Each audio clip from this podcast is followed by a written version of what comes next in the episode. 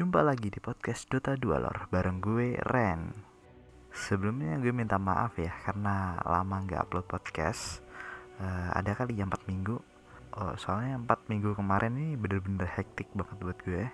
Sampai nggak bisa upload apa pun terus nggak bisa nempatin janji Buat bahas Nage Seren seminggu abis lor Slader keluar. Komitmen susah juga ya ternyata. Oke cukup nih. Sekarang langsung aja kita ke pengenalan hero Naga Siren. Siren rises from the deeps. Silitis, the Naga Siren. Hero dengan atribut agility yang punya role ganda, support ataupun hard carry tergantung gimana cara kalian memainkan ini hero. Nah, karena gue adalah salah satu player support, jadi gue bakalan jelasin gimana ini hero dari uh, perspektif support player menurut gue ini hero ya lumayan lengkap ya sebagai support. Skill duanya yaitu end snare yang bisa nge-stop pergerakan lawan dengan durasi 2-5 detik. Itu lumayan ngeselin sih di awal game ya. Apalagi skill tiganya Riptide yang bisa ngurangin armor dijamin bikin lawan jadi tambah kayak empuk banget gitu. Kalau skill satunya bang mirror image buat apaan? Di support nah kalau buat gue skill satu dari naga siren yaitu mirror image tadi bisa digunain uh, sebagai pancingan gitu. Buat kill ward biar lu nggak digeng uh, bisa buat sekedar muter buat buka map aja atau bisa digunain buat stack creep netral. Oh ya kalau gue saranin naga siren make item aura karena bayangan dari mirror image masih bisa ngasilin efek aura dari item-item tadi. Jadi kayak item Vladimir atau Drum of Endurance itu bagus buat naga siren support. Nah, kalau ulti naga siren, Song of Siren bisa dibuat open war buat nyuri Aegis atau buat stopin musuh yang lagi mau teleportal. Tapi kalian harus ingat nih, komunikasi dalam menggunakan ulti ini sangat dibutuhkan karena sekalinya kalian miskom combo kalian gak bakal masuk jadinya malah hancur gitu oke sekarang kita lanjut ke cerita Naga Siren Naga Siren, I sing the siren song of war.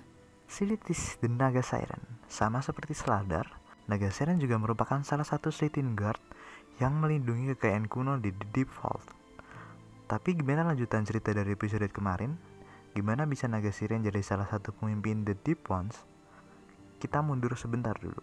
Dulu, di awal kemunculan Naga Siren, sebagai anggota dari The Sritin Guard, dia ditugaskan untuk membantu The Conclave of the Brain dalam peperangan gerbang Stonefish melawan ancaman besar. Ancaman besarnya apa? Uh, di sini nggak disebutkan ya.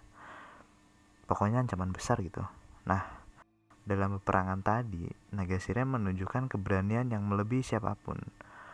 Bisa dibilang paling brutal, mencolok gitu. Sampai para pasukan Conclave dan Guard tadi berhasil memenangkan peperangan.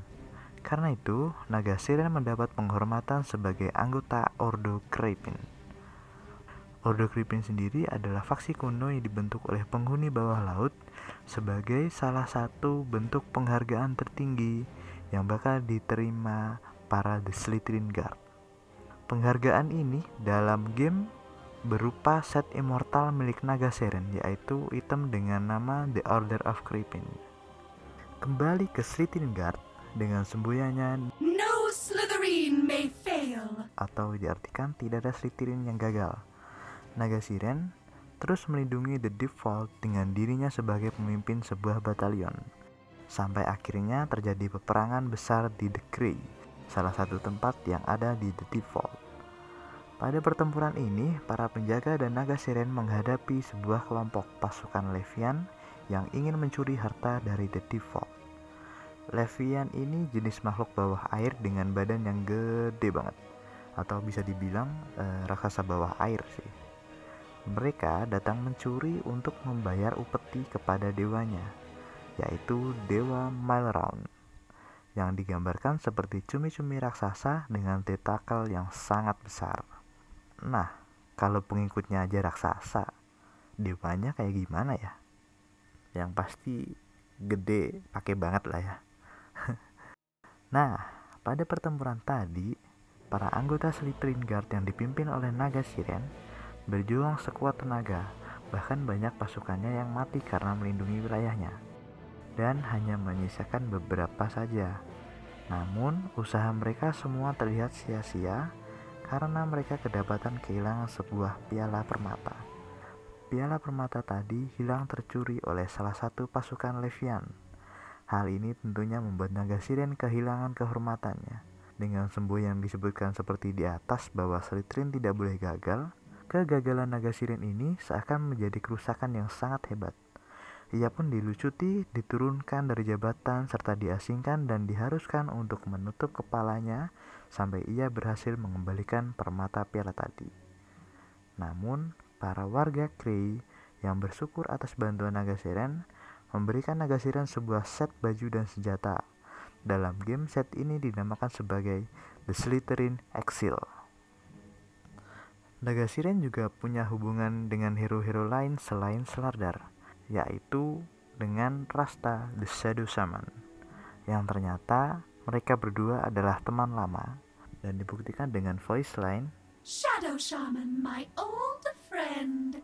Nah, untuk kalian yang tanya-tanya kenapa ada voice line Slug di cerita Sladar kemarin, jawabannya adalah karena Slug merupakan salah satu tahanan di The Dark Reef, yaitu penjara yang tempatnya juga berada di sekitar Default Nah, penjara ini sendiri terdiri dari bermacam-macam makhluk. Dari mulai seliterin, meran, sampai para deep ones yang jahat juga ada. Dan Slug ini adalah satu-satunya tahanan yang bisa melarikan diri dari The Dark Reef. Tapi stop sampai sini aja deh. Cerita Slug bakalan ada sendiri di episode-episode selanjutnya. Gue gak bisa janjiin kapan sih. Dan ya, segitu dulu cerita Dota 2 kali ini. Kalian bisa bantu gue share podcast ini ke tongkrongan atau warnet kalian supaya lebih banyak yang tahu tentang cerita Dota 2. Kalian juga bisa request hero apa yang mau dibahas dan mungkin ngasih beberapa saran buat gue dengan ngeklik link yang ada di deskripsi. Bye!